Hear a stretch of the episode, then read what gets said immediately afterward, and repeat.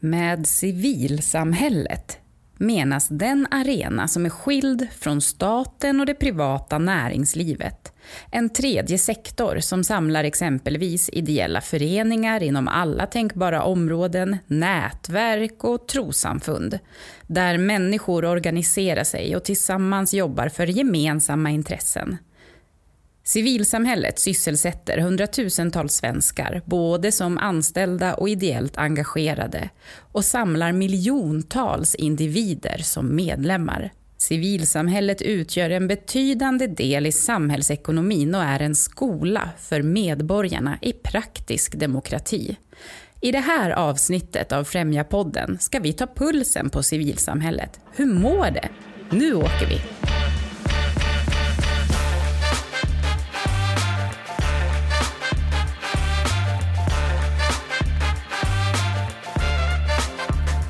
Patrik Skröder, du är civilsamhällessamordnare på Främja. Välkommen till Främja-podden. Tack så mycket, äntligen. Äntligen! Berätta lite nu, vad gör du på jobbet? Under hösten har vi tagit fram ett intressepolitiskt program som har varit en ganska stor del av mitt arbete. Att försöka eh, hitta fram till vilka frågor och perspektiv som vi har som våra kravlistor från Främja på det offentliga på olika områden. Men sen är det klart att jag har mycket möten med andra forum, Famna, eh, Giva Sverige, Idéburna skolors riksförbund, Companion, eh, Stadsmissionerna, ja, andra som vi jobbar mycket nära tillsammans med. Och, eh, I det att jag är samordnare för civilsamhällesfrågor på Främja så ligger det ju ganska mycket att jag är inte den som kommer ordna hela biffen själv utan vi behöver vara ganska många andra som samarbetar för att nå de mål och eh, ja, förändringsbehov som vi har i sektorn. Mm. Som en spindel i civilsamhällesnätet, mm. låter det som. Mm, en spännande bild, verkligen. Ja. Mm. Vi står ju nu här i mars 2023. Bakom oss så har vi ju flera ganska prövande år på olika sätt. Vi har gått igenom pandemi, det är krig som pågår i vårt närområde, inflation, klimatkris, energikris. Och det verkar som att det ligger ytterligare några tuffa år framför oss. Hur eh, mår civilsamhället i det här? Ja, jag tror att det är väldigt mycket en fråga om var man tittar någonstans. Om vi tar ett övergripande perspektiv så tror jag att det är få som inte är påverkade av alla de omvärldsfaktorer som du tar upp. Det har haft stor betydelse eh, för många organisationer, inte minst såklart eh, covid och den isolering som det innebar och eh, ja, men förändringar man var tvungen att göra i, i verksamheten på ett sätt som jag inte vet att vi har gjort sen, ja, sen, sen när då. Liksom. Det har inte mm. hänt, det är helt unikt. Mm. Men det är inte bara covid utan det är alla de här andra delarna också. Eh, och eh, det gör väl att eh, förändringstrycket på många organisationer har varit högt. Och ibland kan det vara bra att ha ett förändringstryck för då gör man en del saker som man kanske inte hade gjort annars. Mm. Den positiva sidan av covid och hela den biten är ju sånt som handlar om digitalisering där det också finns grader av demokratisering. I princip vem som helst kan varifrån som helst vara med på ett möte. Eh, vilket ju jag ser som någonting som, ja, men positivt. Samtidigt så är det klart att den där traditionen av att gå på föreningsmötet eller på sin träning eller på det där som, som är på en fysisk plats. Det kanske har haft en dipp. Eh, vi ser inom folkbildningen till exempel att studiecirklar har gått ner. Eh, där har de ju såklart börjat med digitala cirklar också, så det är ju fantastiskt. Men, men just den där fysiska vanan att göra saker, den har, den har förändrats. Mm. Och i andra änden av många civilsamhällesorganisationer finns det ju någon slags mottagare som tar emot eh, hjälp och stöd i vissa fall. Eh, det kan vara allt ifrån kvinnojourer till verksamheter för barn och unga. Och eh, vet du någonting om hur, hur den mottagaren, eller vad man ska kalla det, har påverkats under de här åren? Ja, men bra fråga. Ehm, Verksamheterna ser ju ut på väldigt olika sätt. En mm. del har ju en, en mottagare, man gör någonting i sin organisation för en, för en annan. Eh, andra gör saker för att man eh, tycker att det är roligt mm. och hittar gemenskap och andra för att man vill påverka. Och Det finns ju liksom blandningar och mixer av det. Det är klart att de som arbetar med att ta emot flyktingar på olika sätt Eh, har ju påverkats mycket sedan 2015. Nu är det några år sedan, men det var ju en stor liksom, omvärldshändelse. Sen har vi kriget i Ukraina med allt vad det har inneburit eh, och, och organisationer som, som gör mycket för, för den målgruppen. Men, eh, ja, men som kvinnojourer till exempel. Det var ju väldigt tydligt i pandemin att situationen för, för kvinnor och därmed för de organisationer som arbetar med dem förändrades ganska mycket och ofta till det sämre då genom isolering som skedde i hemmet på många sätt. Men nu, nu, precis med den ekonomiska krisen och inflationen och räntorna och hela den biten så ser ju organisationer som, som till exempel Stadsmissionerna väldigt tydligt att eh, de människorna som de brukar arbeta med har blivit väldigt många fler på ett ganska dramatiskt eh, sätt. Det mm. illustrerar väl också hur civilsamhället är Ehm, ja, men ett sammanhang där vi i kris behöver göra mer och annat än vad vi kanske brukar göra. Och, eh, är det något som jag tycker att det har blivit ännu tydligare under de åren som har gått är att vi verkligen i våra organisationer har en jätteviktig roll att, att spela i de situationerna.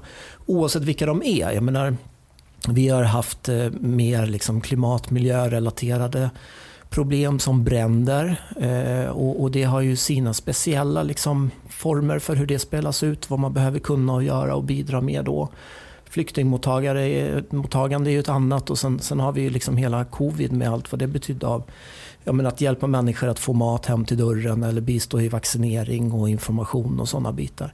Så det, det som är den där krisen eller katastrofen eller till och med kriget, det vet man aldrig riktigt hur det ser ut nästa gång. Nej. Men jag tycker det är tydligt att eh, ja, men, våra föreningar och organisationer har alltid en jätteviktig roll att spela i det. Och det här låter ju verkligen som en nyckelroll i ett, en samhällsapparat helt enkelt. Att det finns ett eh, civilsamhälle som kan rycka ut i kris men också finnas där stadigvarande med alla uppdrag man har. Jag tror att vi behöver förstärkning, Patrik. Fredrik Mandelin, vår kollega, som inte bara är expert på pension och försäkring, utan också historielärare. Han har nog ett och annat att dela med sig av om civilsamhällets eh, framväxt.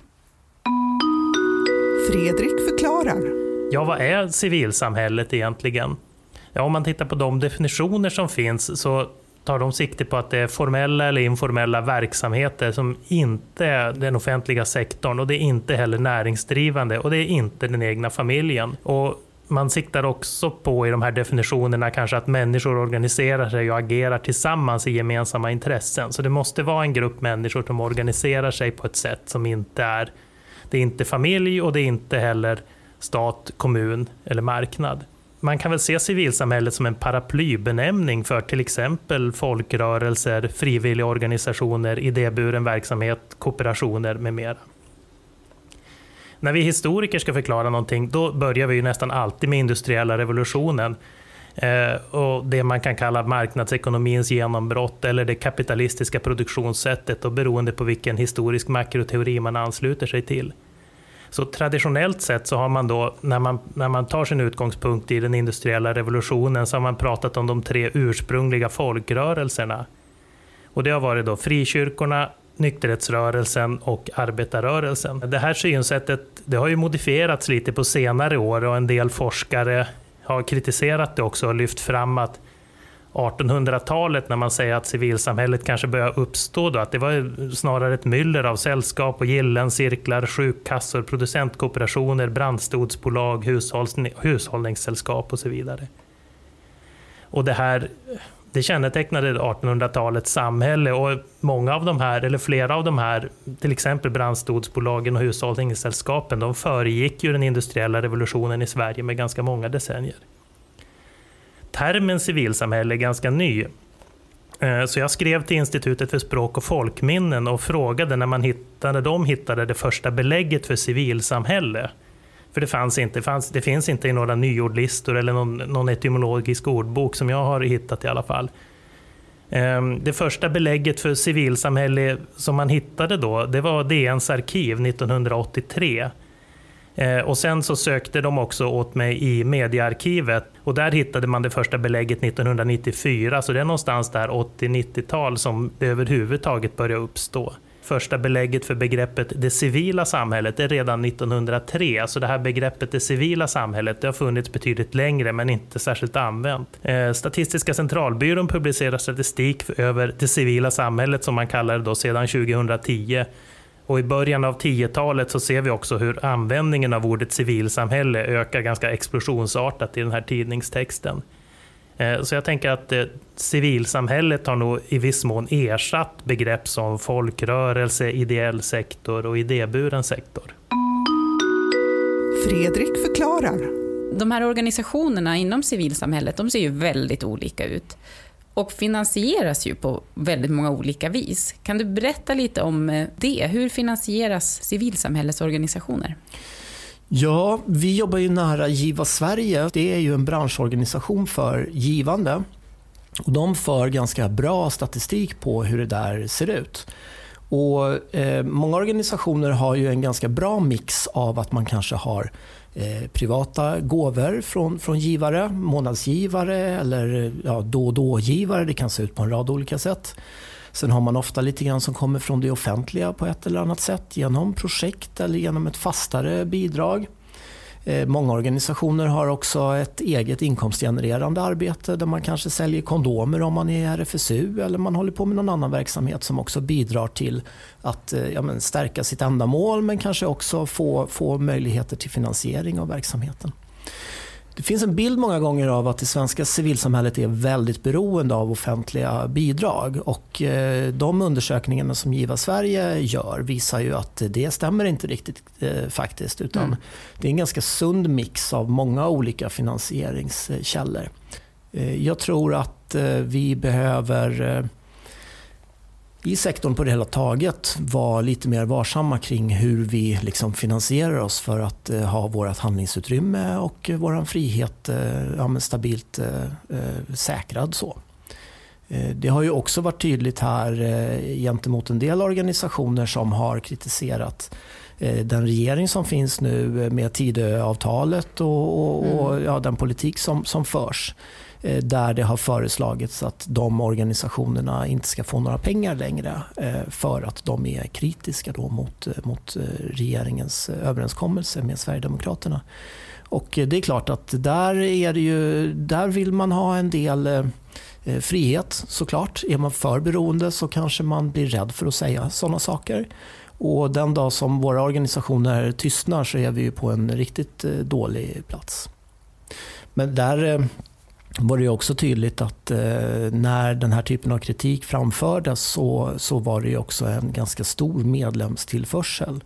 Eh, medlemstillströmning från, från eh, ja, jag tror att eh, någon organisation fick 10 000 nya mm, medlemmar. Mm, alltså till de organisationerna som hade så. riktat kritiken? Ja, precis. Mm. Mm. Så det sker en mobilisering där, absolut. Ja, precis. Jag tänkte komma in på det. I höstas hade vi då ett maktskifte, ny regering, ny budget och andra prioriteringar. Det är ju naturligt i ett sånt eh, sammanhang. Men hur har budgeten förändrats utifrån ett civilsamhällesperspektiv i samband med regeringsskiftet? Ja, inför att budgeten skulle läggas så var det nog många som hade funderingar och farhågor eh, om att det skulle bli ganska stora förändringar. Eh, och eh, det här kan man se på på lite olika sätt för de budgetar som låg innan var ju covid-påverkade på olika sätt. Och där hade regeringen satsat en del särskilda covidpengar på olika delar av civilsamhället. Och Eh, om de pengarna hade legat kvar med den tidigare regeringen, det är ju någonting som vi inte vet. Mm. Eh, de kanske hade försvunnit eh, med, med, med den regeringen också. Eh, men den, den tillträdda nya regeringen valde ju att ta bort de covid-pengarna som fanns av olika slag. Så på det viset så skedde det ju en, eh, en, en neddragning av många budgetlinjer. Eh, på biståndets sida har det skett ganska stora förändringar. Dels reda verksamhetspengar eh, ute, ute i fält men också för sånt som handlar om information och kommunikation i, i Sverige. Och det var ju någon, det var väl ett hundratal miljoner, alltså hundra miljoner ungefär som försvann eh, runt årsskiftet då. Och det får ju konsekvenser ganska så direkt i att eh, ja, men många av Främjas medlemmar är tvungna att säga upp eh, personal och förändra verksamheten. Har man då en bra finansieringsmix och man kanske har lite buffert och man kan ha lite egna pengar då kan man hantera den situationen på ett bättre sätt än om man behöver säga upp på, på dagen mer eller mindre. Mm. Sen finns det ju områden där den eh, sittande regeringen har valt att göra satsningar. Och, eh, dels så handlar det om eh, äldre och ensamhet, sådana bitar, men också sånt som är relaterat till gängkriminalitet, utsatta områden och vikten av förebyggande arbete. Och, där har ju civilsamhället en viktig roll att väga upp andra åtgärder. Jag menar, det är ganska tydligt eh, om, om, man lyssnar på polisen själva så säger ju inte de att enbart att bura in och jobba med repression eh, hjälper hela vägen utan det behövs också ett ja, men stabilt, långsiktigt eh, förebyggande arbete och det är många gånger våra organisationer som är bäst på att göra det.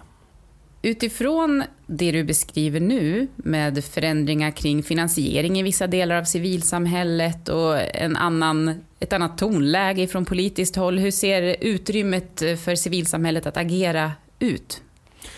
Ja, det är en jättebra fråga. Om, om vi tar ett globalt perspektiv så är det ju många länder där eh, demokratin och civilsamhällets utrymme är i en negativ utveckling. Eh, vi har, det är länge sedan vi har levt i en värld med så få demokratier och så, människor som, så få människor som lever i demokratiska länder. Och det hänger väldigt nära samman med att man också drar in då på civilsamhällets utrymme att verka på olika sätt. Det finns en stor global organisation som heter Civicus som varje år gör en undersökning där man tittar på hur det här förändras. Och I Sverige så räknas vi som eh, ja, men ett av de friaste och mest demokratiska länderna i världen. Vi är den högsta kategorin. Och Det handlar också om civilsamhällets möjligheter att, att verka här. Då. Så i ett globalt perspektiv, eh, absolut, vi är på en väldigt eh, bra plats. Men man ska ju inte tro att eh, saker som händer i världen inte också kan hända i Sverige. Och eh, där finns det ju tecken på hur eh, Politiker har mm, då och då, ibland, väldigt negativa inställningar till eh, civilsamhällets organisationer. Och man kopplar ofta då politiska ställningstaganden till frågor om avfinansiering och att man inte ska ge pengar till vissa organisationer. Och det är många gånger regeringens stödparti som ligger i bräschen där. Mm. Eh, så är det. Hur ska civilsamhället möta upp en sån här utveckling? Ja, vi, vi behöver ju alltid vara de som höjer våran röst. Om vi skulle tystna för att vi tycker att det här är svårt eller obehagligt eller vi tänker oss att jo, men det blir nog bättre om vi inte säger någonting och så går det över. Då tror jag vi är på en dålig plats. Utan vi behöver eh, ja, men stå upp för oss själva och för eh, varandra. Det är ju ibland så att det inte är den egna organisationen som är mest utsatt. Eh, och då kanske man inte ska tänka oj vad skönt att vi klarade oss den här gången utan man kanske ska fundera på vad kan jag göra för min systerorganisation eller ett annat sammanhang som har det tufft nu. Så jag tror att det är viktigt att vi är på, på varandras sida. Mm. Hur jobbar Främja med de här frågorna? Ja, vi jobbar ju såklart på, på olika nivåer och olika plan. Vi påverkar regeringen och riksdagen. Vi svarar på remisser. Vi försöker i allt vi gör skapa så stort utrymme för våra medlemmar att verka som, som möjligt. Och där är ju liksom de grundläggande demokratiska spelreglerna jätteviktiga för det. Eh, och eh, nu i dagarna förs det diskussioner om eh, ja, men, Eh, vem som anses vara del av en terrororganisation om man är med, medlem i en viss förening eller så. Eh, och eh, där har ju vi tidigare arbetat med, med remissvar på det området och det är någonting vi fortsätter att göra.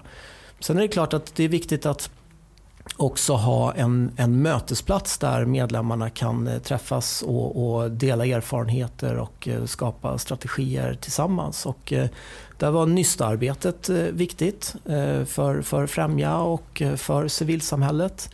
Och vi kikar på hur vi ska fortsätta arbeta med det på, på olika sätt.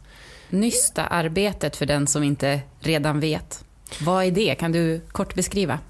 Ja, det var väl ganska tydligt under covid-perioden att eh, det som handlade om civilsamhällets roll och del inte blev jättemycket i fokus för beslutsfattarna. Det handlade om det privata näringslivet, om, om sjukvården, vaccinationerna och sen var det en del diskussioner om hur man kunde stötta idrott och kultur, vilket, vilket var bra att man gjorde såklart. Men vi var väl många i våra organisationer som kände att ja, men, vi behöver nog bli lite starkare för att tillsammans kunna påverka regeringen och få tillgång till eh, partiledare och, dagordningar och debattsidor. Och eh, där samlade vi oss för att eh, under en begränsad tid fundera på ja, men om vi då kommer ur pandemin, vilket vi ju ganska tidigt trodde och såg och förstod att vi tack och lov skulle mm. göra. Eh, vad skulle civilsamhället behöva ytterligare då för att kunna fungera på ett bra sätt? Och då diskuterade vi demokrati, arbetsmarknad, eh, digitalisering, artificiell intelligens och övergripande förutsättningsfrågor med, med mera. Så det, det var ett, ett idéarbete som genererade eh, några hundratal eh, förslag som vi fortsätter att arbeta med för att ja, få genomslag för. Som nu går in i en del av ditt och Främjas arbete på förutsättningsområdet. Absolut. Mm, då är jag helt med på vad Nysta är. Vi har varit inne på att det finns utmaningar.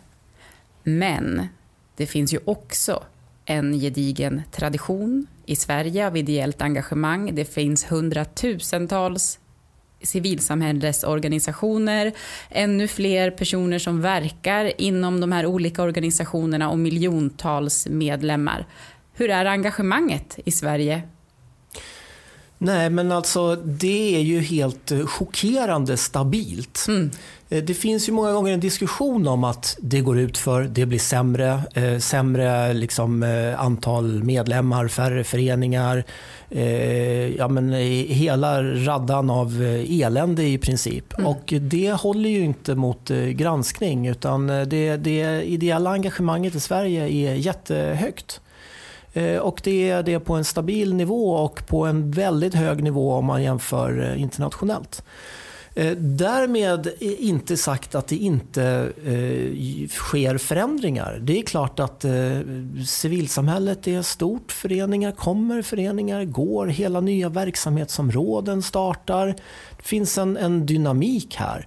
Så att, att tro att det över en tioårsperiod ska se precis likadant ut som det har gjort tidigare, det, det är inte realistiskt. Utan det, det sker saker. Och det vore ju konstigt eh, annars. Men eh, engagemanget är, det är superhögt och kreativiteten är jättestor. Alltså det, och det ser man också i de här krissammanhangen. Äldre etablerade organisationer gör nya saker, nya organisationer kommer till, nya människor strömmar till.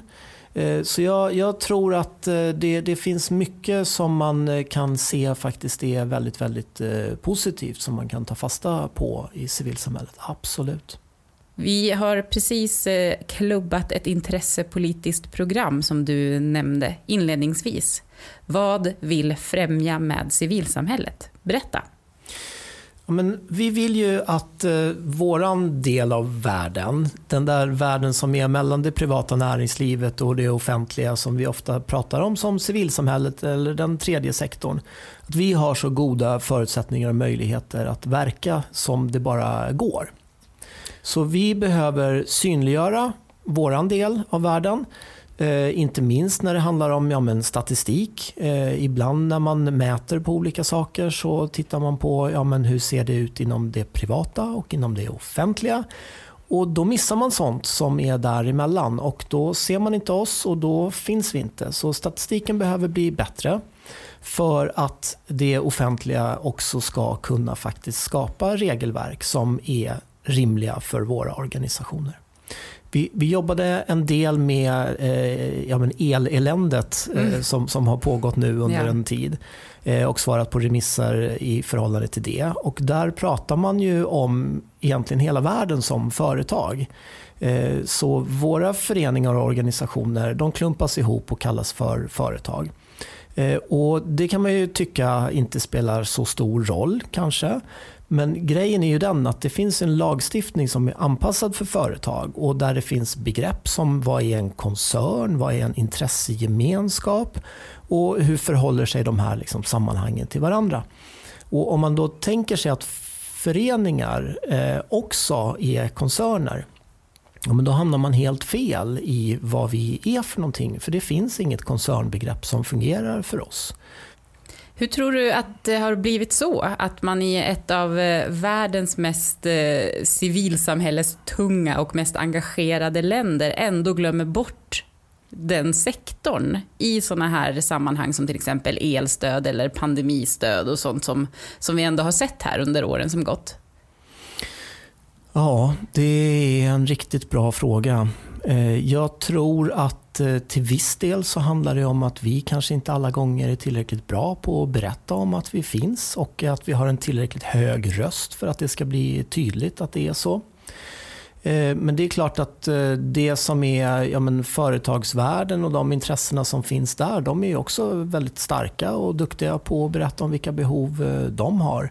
Mm. Och det må- många gånger när vi kommer i ett samtal med politikerna så är det ju inte som att det finns någon illvilja på något sätt egentligen. Man gillar eh, civilsamhället, vilka vi är, vad vi gör.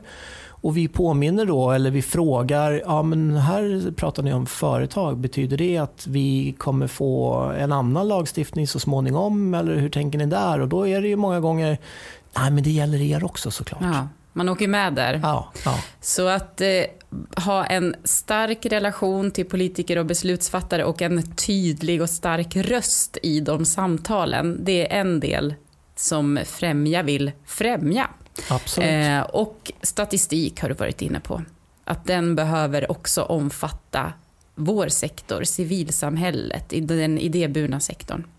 Vad vill Främja mer, eh, som nu då också finns fastslaget i det här intressepolitiska programmet? Jag tror att en viktig del handlar om sånt som är hot och hat. Eh, debattklimatet där ute kan vara ganska, ganska tufft och eh, eftersom våra organisationer många gånger har en eh, idé om att de vill förändra och påverka samhället och världen och är där ute och debatterar så får de också ta emot ganska mycket eh, tråkigt. Och, eh, det är ju, risken är ju att, eh, att de tystnar, att de drar sig tillbaks och blir eh, försiktiga och inte vågar och att priset någonstans blir för högt. Och det är väl det som hatarna och hotarna egentligen vill uppnå och eh, det är det som framförallt inte får, får hända. Så det är en viktig del i det eh, intressepolitiska programmet att eh, det offentliga behöver förhålla sig till det här mer än vad man gör idag. Och eh, där behöver vi i sektorn bli bättre på att hjälpa varandra. Eh, och jag tror att också inte minst eh, de rättsvårdande myndigheterna blir bättre på att ja, men, ta, ta upp de anmälningar som, som vi många gånger skickar in och att det behöver hända någonting med dem också. Det intressepolitiska programmet tar ju också upp frågor kring eh, sysselsättning, att göra klivet in på arbetsmarknaden enklare för grupper som står långt ifrån. Eh, det handlar också om eh, långsiktig och hållbar finansiering och sådana delar som vi har pratat om lite tidigare. En annan viktig fråga som också rör lagar och regler och regelverk, det är ju frågan om internmomsen som känns som att den är evig och ständigt pågående. För den som inte är insatt, vad handlar internmomsfrågan om och varför är den ett problem för civilsamhället? Men internmomsen är en form av skatt på samarbete i organisationer. Och det här handlar lite grann om hur vi hänger ihop. Vi är ofta flera organisationsnummer eh, och många gånger är det lokalt, regionalt, nationellt. Och för oss så skulle det vara bra många gånger, inte alltid, men många gånger att kunna samarbeta mycket närmare med varandra. Att man till exempel regionalt eller nationellt har en central som hjälper till med det ekonomiska, bokföring kanske. Eh, det kan handla om IT-service, det kan vara olika HR-tjänster. Ehm, ja, man kan tänka sig en, en, en stor palett av saker som en organisation mår bra av att göra strukturerat och tillsammans. Då är det så att eftersom det här är olika organisationsnummer och man tänker sig att det här skulle kunna köpas på en marknad så är vi ålagda att betala moms i sådana sammanhang. Så det blir 25% extra på den där ekonomiservicen som man kanske tänker sig att man tillhandahåller då. Och eh, vi drar inte av någon moms eh, så det blir bara en ytterligare kostnad. Mm. Och Det är ju eh, ganska falskt att tro att de här tjänsterna bara kan köpas på en marknad hur som helst. För de är väldigt specifika för de här organisationerna. Eh, många gånger. Och Vad som då händer är att dels blir det 25% dyrare. Och Sen har vi en osäkerhet här väldigt många gånger om hur långt Skatteverket tolkar det här, vad som gäller. Och Då avstår man många gånger att göra effektiviseringar som man skulle vilja göra. För det blir för dyrt helt enkelt. Så då pratar vi om att den här skatten blir intern i en och samma organisation mellan den nationella det regionala och det lokala. Att det liksom skickas däremellan. Ja men precis, för mm. vi ser oss ju som en och samma organisation många gånger. Mm. Men eftersom vi har flera olika organisationsnummer så precis. tycker inte Skatteverket att det är så. Så vi åker på en smäll här. Men det, det som är fint är ju att vi har tillsammans eh, gjort ett eh, stort påverkansarbete. Mm. Eh, inte minst studieförbunden och Riksidrottsförbundet har, har varit aktiva i det här. Och jätteduktiga på att påverka skatteutskottet och så småningom också regeringen. Och nu finns det en enighet bland politikerna att den här momsen, då, internmomsen ska avskaffas. Frågan är lite bara hur det ska gå till och eh, Skatteverket har idéer om att de förslagen som ligger inte gör någon skillnad mot hur det har varit eh, tidigare. Så skatteutskottet i riksdagen kommer under våren då eh, diskutera det här, förhoppningsvis göra några förändringar som betyder förbättringar och i den bästa av världar från halvårsskiftet så har vi ingen internmoms längre. Men vi får se. Så för civilsamhällesorganisationerna skulle ett avskaffande av internmomsen betyda mer pengar till verksamhet, om jag förstår dig rätt? Verkligen, och det kan handla om hundratals miljoner. Det finns också en del i vårt intressepolitiska program som handlar om IOP, idéburna offentliga partnerskap. Det här tycker vi är bra, eller hur? Absolut. Vad är IOP? Ja, men det är en fantastisk idé om att det idéburna och det offentliga kan samarbeta i partnerskap där man inte behöver ha ett bidragsberoende eller en upphandling som sker enligt de gängse regelverken utan man har en idé om att man vill någonting tillsammans. Och Det här som man vill det får man se till att utveckla tillsammans. Och Sen kan man då teckna ett avtal. Det brukar ju vara skriftligt och det är inte ett avtal i bemärkelsen att det kan sägas upp och man kan bli liksom eh, skadeståndsskyldig och sådana saker utan det är en tydlig intention om någonting som man vill göra. Det kan finnas pengar i ett sådant avtal och då är det ju ofta det offentliga som betalar till de idéburna än tvärtom. Men det kan också bara vara idéer som man vill utveckla och utforska. Eh, och vi tror att det här är ett område som eh, kan, kan växa och bli mycket, mycket mer än vad det är idag.